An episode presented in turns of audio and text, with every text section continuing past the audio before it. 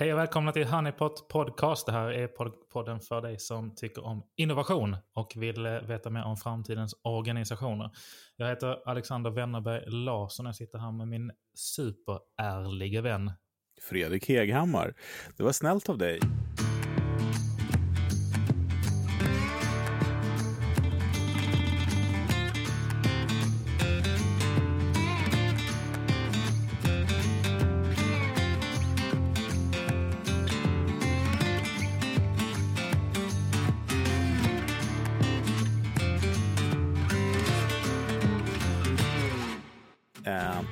Kanske ska förklara också varför du kallar mig ärlig idag. Det kan vi göra. Vi ska prata om innovativa skurkar. Jajamän. Och bara genom att säga att jag är ärlig så har du legitimerat mig. Nu kan jag bara gå ut och vara lite oärlig helt enkelt om jag vill. Då, då. Och det är det som är det lite roliga, att det finns mycket på, där ute på, på internet som är, eh, ser ganska... Ja, men precis. Och det här är lite grann som, eh, det är därför jag tar upp det här, för att eh, jag har sett väldigt många människor eh, del, vara delaktiga i det här faktiskt, utan att de ens vet om det tror jag. Mm. Eh, mer om det, men för att det är lite så här är man brukar prata om att eh, vuxenindustrin leder eh, teknikframgångarna lite grann. De har mycket pengar och tagit ut svängarna för, eh, ja, porr helt enkelt. Har vi varit mm. liksom historiskt sett att de har ledit eh, utvecklingen ganska ordentligt. Eh, VOS bland annat och internet får man väl ändå säga att de har tagit ut svängarna rejält. Mm. Eh, men idag ska jag prata lite grann om egentligen eh, den ny, eh, nya tidens Nigeria-brev som det kallas. De här breven som man kunde få hem förut, eh, fysiskt faktiskt, men också på de senaste 20 åren så har väl åtminstone man fått några sådana här brev om att du är en avlägsen släkting som har eh, ärvt eh, 20 miljarder dollar. Det är alltid så här mycket pengar också. Så det är, det, är, så mycket så att man ska tro att det är sant. Det vill säga, om du ljuger tillräckligt stort så kommer någon gå på det. Liksom. Har du, har du fått några sådana brev någon gång? Jag får, det alldeles, jag får det alldeles för ofta. Jag vet inte vilka, jag vet inte vilka listor min mail har hamnat på, höll jag på att säga. Men, nej, jag tror inte äh, att det handlar om det eh, faktiskt. Nej, det är nog ganska, ganska allmängiltigt. Men jag, varje gång jag ser ett sånt, nu är ju spamfilterna ganska effektiva idag, men varje mm. gång jag ser ett sånt så funderar jag fortfarande på vem är det som går på de här sakerna. Ja, precis. Uh, Men det där ska man äh, akta sig för att säga, höll jag på att säga. För rätt mm. vad det är så sitter man där själv. Man tycker att vem fasiken kan gå på det här? Men det som eh, vi har sett på senaste tiden, förresten jag måste tipsa om en grej, eh, David Sundin, numera programledare och komiker. Vi var ju ja. kollegor på, på en webbyrå som heter Able Baker, där han var copywriter på den tiden.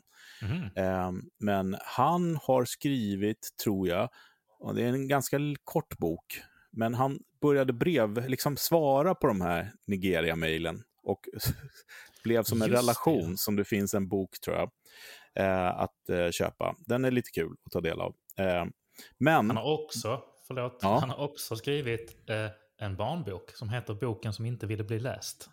Ja, jag tror att han precis har släppt en till också, tror jag. Så pass. Mm. Ja, han är produktiv i alla fall. David Sundins specialavsnitt. Ja, exakt. Apropå innovativa skurkar. Nej, förlåt David. Det var, eh, det var inte snällt. Du är så fin och ärlig. Eh, men det som jag skulle säga då, på sista tiden så har det dykt upp väldigt mycket sådana här på Facebook, eh, eh ditt artistnamn, eh, din mormors förnamn och det senaste du åt, eller eh, ditt, din drömsemester, ta de fyra sista siffrorna i ditt telefonnummer, gångna med två och, och ta en färg. Och jag ser ju oroväckande mycket vänner som jag har som tycker att det är jättekul och, och få de här namnen och hit och dit. Och jag eh, tänker ju till när jag ser de här också. Jag tror jag fick, min mormor hette Asta och jag hade ätit falafel. Så Asta Falafel är ganska bra artistnamn. Måste jag säga faktiskt. Men eh, när man har signat upp för någonting, eh, för att skapa ett, ett password till exempel, så har man ju ofta sådana här eh, checkord, heter det va? Eller vad heter det? Ja, men ord, ord som de kollar med. Uh, ja, men precis. Det brukar, vara så uh, det brukar väl heta security questions. Security questions. Tack så mycket. Mm. Tack så mycket. Det är som vanligt när man sätter på rec här så försvinner hjärnan direkt. Eh, jo, men de här eh, security questions då. Eh, jag som har bott i USA lite grann, som vi har sagt tusen gånger här förut, kommer säkert säga tusen gånger till. Eh, när man signar upp då till exempel för eh, en banktjänst, då är det sådana här frågor som så här, your, your mother's maiden name, uh, your favorite pet, Eh, the street where you grew up. Alltså sådana frågor. Och grejen är ju att de här frågorna som de ställer nu på internet och på Facebook, lite kul sådär. Vad är din favoritfärg hit och dit? Det är för att de håller på att mappa upp dig. Jag ser ju den här framför mig, den här Excel-filen eller strängen där de liksom fyller i hål hela tiden. Okej, nu frågar vi de fyra sista siffrorna och en färg. Jättebra, då har vi dem. Nästa gång så frågar vi om de fyra första siffrorna och en maträtt. Och sen så frågar jag sig, ja, siffrorna i mitten. Och helt plötsligt så har du liksom hela ditt telefonnummer, du har vilka din favoritfärg är, vilka din favoriträtt är, vad du har haft för husdjur när du var liten, vad din mormor heter. Alla de här grejerna som används som, som så security questions. Och vad gör de med dem då, tror man? Ja, de eh, letar ju upp ditt konto och går in och knäcker det ganska lätt genom att du har svarat på massa roliga frågor på Facebook. Så därav detta avsnitt. Eh, och det kan man också säga att det är ju inte... Det, är, det är ju lättare än vad man kan tro. Eh, det här med att skapa den här typen av eh, hur ska man säga, strängar som som, som samlar information helt enkelt och, och kör lite intelligent informationsinhämtning på det sättet. Ja. Och det är ju en ganska vedertagen teknik. Jag vet att um, Google, då när jag jobbade där i alla fall, du vet så här när man går in och ska verifiera att man är en människa och inte en robot. Så kan det vara att du ska skriva så här fem, sex bokstäver ibland i en följd. Mm. De bokstäverna som du skrev där var en, där hjälpte man att översätta böcker, alltså från typ pdf till text. Ah. Så att man använde liksom en tjänst för att verifiera att man var människa, men varje gång du skrev in de där tecknen så hamnade de i en digital bok. Liksom. Och det är precis samma princip som de gör nu med de här Facebook-frågorna. Lite roligt mm. så här hur många uträkningar och allt möjligt sådana där grejer. Man, man, man, eh, det är roligt, men man ska nog tänka sig för lite grann vad man fyller i. Och de är ju väldigt innovativa, de här människorna som håller på med det här. Alltså. Ja. Alltså de här, eh, de här jäkla Google-frågorna, höll jag på att säga, det är inte Google-frågor bara, men de här säkerhetsfrågorna. Visa att du, mm. visa att du är en människa. Ja. Alltså jag, jag klarar ju typ var fjärde sån. Alltså, jag, vet, jag, vet, inte om det är jag som... Du är ju inte en människa, du är en cyborg. ja, exakt. Alltså, nu får jag erkänna att jag har lite problem med färgseendet. Va? Eh, så det kan du menar här när du ska leta skyltar och broar och sådana grejer? Ah, jag, jag, jag, klarar dem aldrig. Alltså det tar en kvart för mig att komma in på mitt konto varje gång jag får en sån check. Alltså, ja. Det... ja, men då kanske du har ett bra password i alla fall om du inte ens själv kommer ihåg det. Ja, men exakt. Men uh, testa your ma mother's maiden name och uh, färgen på din t-shirt. Då kanske du kommer in.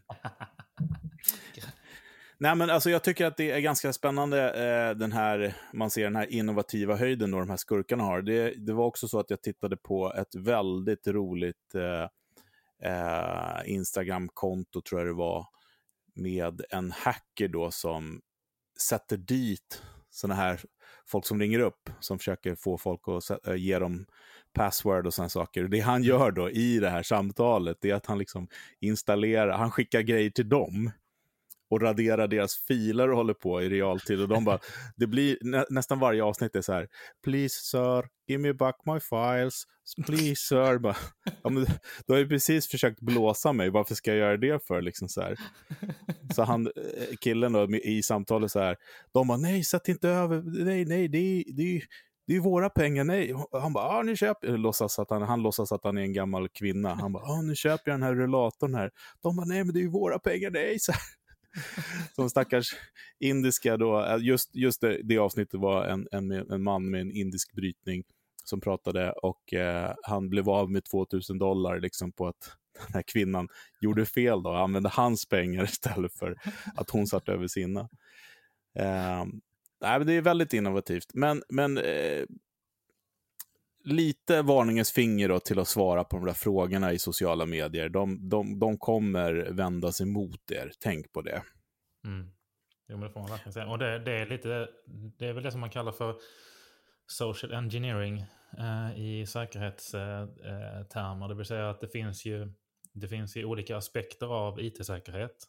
Ja. Den ena aspekten är ju rent teknisk säkerhet, det vill säga vilken typ av eh, krypteringsnivå eller vilken typ av säkerhets... Eh, eh, vilken typ av certifikat använder vi för säkerhet och så vidare för att spärra eh, åtkomst till, till data eller information. Mm. Den andra delen, det är det som man, man eh, kall, ofta kallar för social engineering. Det vill säga hur kan man, hur kan man nyttja um, människans naivitet för att få dem att berätta, berätta information som gör att vi kommer åt deras data eller information på ett bättre sätt. Mm. Nu, nu, ska man väl också säga att ehm, eh, vi i Sverige har man ju inte så etablerat med sådana här säkerhetsfrågor och sådana saker, men ändå att, att genom att eh, svara på de här frågorna och råka avslöja sin login till eh, sitt mail är ju ganska lätt gjort. Eh, och mm. då kommer de ju åt ganska mycket saker. Men vi har ju BankID som är faktiskt väldigt, väldigt bra. Eh, men man kan väl också säga en regel är väl så här, är någonting för bra för att vara sant så är det oftast alldeles för bra. Verkligen. Då är det något skumt. Um, och det är trist att, det ska, att man ska behöva vara så cynisk, men det, är, det, det, det stämmer ju verkligen uh, faktiskt. Men det här med att samla in data tycker jag är väldigt spännande. Uh, och uh, man skulle väl nästan kunna säga då, om man får ge en liten känga till de som håller på med mediabokningar och sånt, att de kanske skulle titta lite grann på hur skurkarna gör, som skulle kunna göra lite bättre eh, mediaplaceringar eh, för folk. Använda datan på lite bättre sätt än att visa mig skor som jag redan har köpt. Jag blir alltid lika, jag blir alltid lika chockad av det, att det inte finns bättre, att det inte används bättre eh, taggar och data för sådana saker. Om, jag, om det, det exempel som du drog nu, jag tror alla känner igen sig det, har man googlat runt på ett par eh, skor som man ska köpa mm. och så köper man dem så får du fortfarande retargeting-annonser i en månad efter du har ja, köpt. Ja, ännu mer, ännu mer eftersom du då har, de mm. ser att du har sökt på det och de mm. ser att du är intresserad av det. Mm. Men de ser inte att du har köpt det. Då. Men däremot så tycker jag att man borde föra in en standard där man som konsument kan klicka på en banner och säga jag har redan köpt den här jädra varan, sluta visa mm. det. För att i, det, det, är en grej att man blir irriterad som konsument. Men det stackars bolaget som betalar surt förvärvade pengar för att synas för en konsument som inte alls vill se det. Det tycker jag nästan är värre. Verkligen. Mm. Det är annonspengar slängda i sjön. Men det, det, har väl också mycket med, eh, nu går vi in lite på sidospår just när det kommer till datainformation, men det har mycket med det här med tredjeparts eh, eh cookies att göra också. Uh, vilket är lite knepigt ur GDPR. Ja, men säkert. Men det är därför jag, därför jag menar det är klart att det finns regler att följa och sådana saker. Mm. Men uh, de här innovativa skurkarna som faktiskt temat mm. är, där man kan... Uh, le, poängen lite grann med är att, att de leder utvecklingen lite grann, om du förstår vad jag menar. Mm. Lite grann som jag sa att den här vuxenindustrin då, som så fint kallar det, har gjort mycket. Så ser man nu på internet att ja, men de här skurkarna tar över. Det är väldigt innovativa lösningar som jag tror att om man liksom ser att man är på rätt sida lagen skulle kunna eh, titta på som eh, företag och bygga tjänster och sånt som är minst lika nudgande, eh, målinriktade och effektiva. Ja, men det finns jättemycket man kan ta eh, det kanske låter lite fel, men det finns ganska mycket man kan ta inspiration från, från skurkarna fast använda det i gott syfte. Jag såg att Deloitte kallade till och med finansiell brottslighet för världens, världens mest innovativa industri.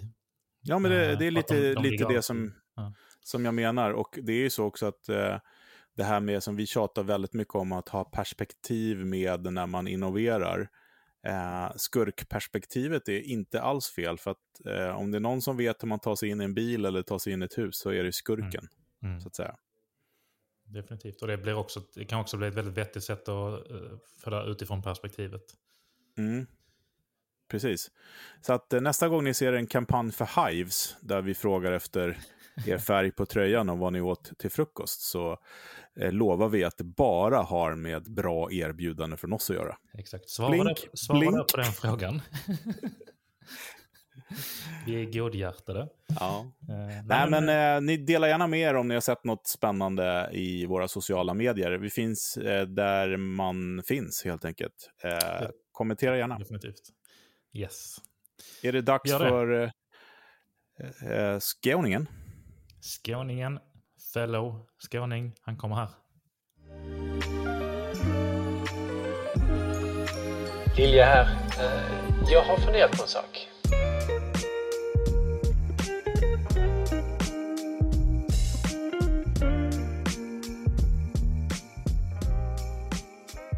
Tjena Fredrik och Alexander. Robin eh, Lilja här.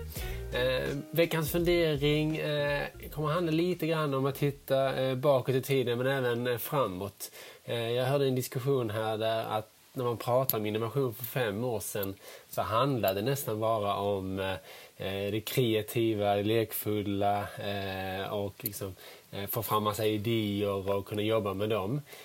men där man redan nu pratar om vad man ska mäta, vilka KPI man ska ha Eh, och att liksom det ska börja skapa resultat eh, på riktigt. Eh, så min fråga till er är vad ni tror att kommer att hända i innovationen de nästkommande fem åren, vad man kommer att prata om då. Får jag börja? Du får jättegärna börja, men jag måste säga en sak först.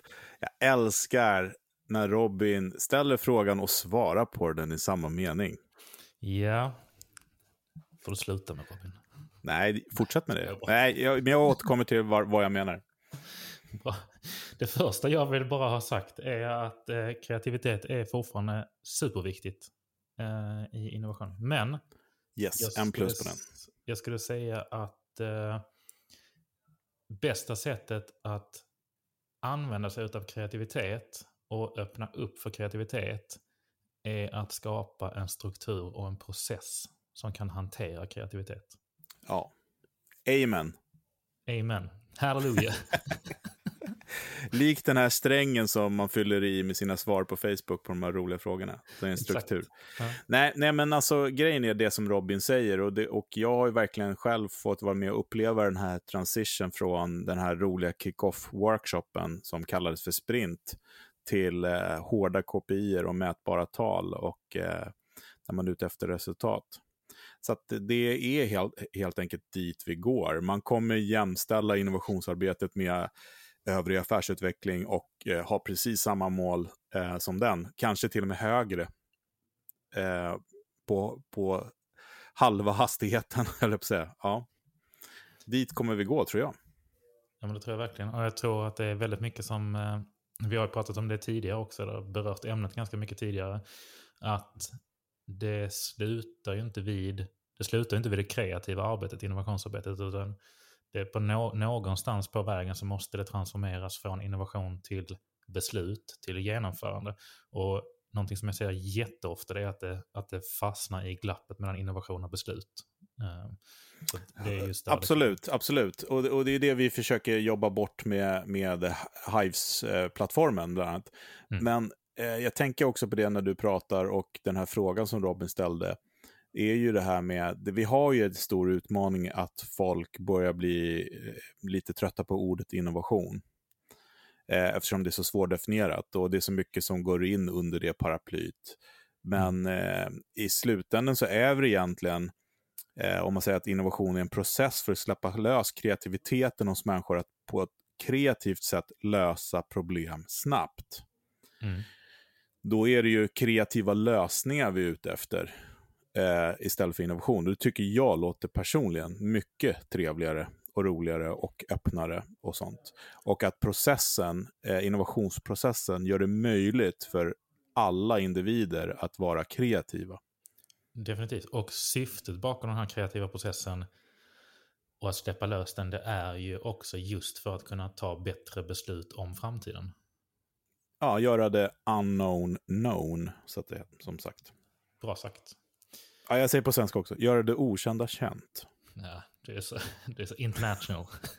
men på ett kreativt sätt. Och det är det som jag tycker är så fantastiskt. För att eh, det är ju så att folk sitter på lösningarna oftast. Eh, och ska man innovera, som sagt var, eh, så är det väl roligt att göra det på ett kreativt sätt släppa lös den och de som blir annars nej-sägare en organisation, de säger inte nej bara för att de tycker att det är kul, utan de säger, det finns ju massa anledningar, alltifrån beläggning såklart till, men det är ju också för att man inte, det är lättare att säga nej än ja till någonting man inte känner till. Och det har vi pratat om förut, det här med att vara modig eller dum. Eh, vi kommer tillbaka till det hela tiden, men det är, det är så banalt enkelt så att det är svårt helt enkelt. Ja, definitivt. För att det, det går också tillbaka till till vanemönster, eh, mm. kan jag tycka.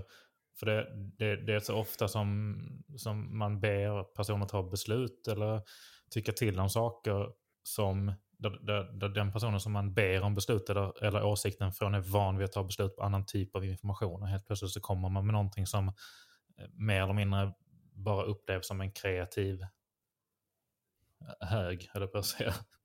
Ja, um, men sen tror jag också det är viktigt det här med att eh, Eh, ja, men där vi är nu med vad innovation är, att det liksom bypassar massa organ, massa hierarkier, det, det går mm. snabbare, det är fler folk, man är liksom lite mer öppen och, och eh, vågar misslyckas lite mer. sånt.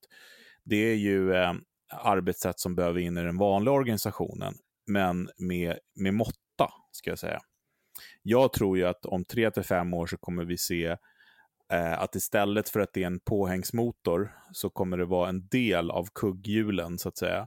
Men att det fortfarande är en, ett komplement till hur det ser ut idag. Alltså att det kommer inte ersätta hur det ser ut idag, utan det kommer vara ett komplement, men ett komplement som är liksom, sitter i ryggraden. Om du förstår vad jag menar. Ja, men det, det diskuterade jag nyligen med, med någon, vem var det, som, som pratade om att kunna jobba i olika växlar parallellt.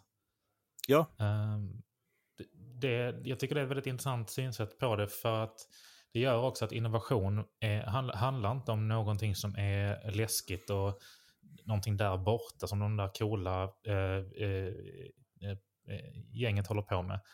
Utan det är bara ett sätt att vissa saker man tar sig an behöver man kunna utforska, testa, prototypa, jobba kreativt med på ett snabbare plan. Och ja. andra saker, där kan man göra de här förstudierna som tar ett eller två år att göra. Ja, och, och då kommer det ju vara okej okay för folk att vara med om man kan mäta och se effekten av det också.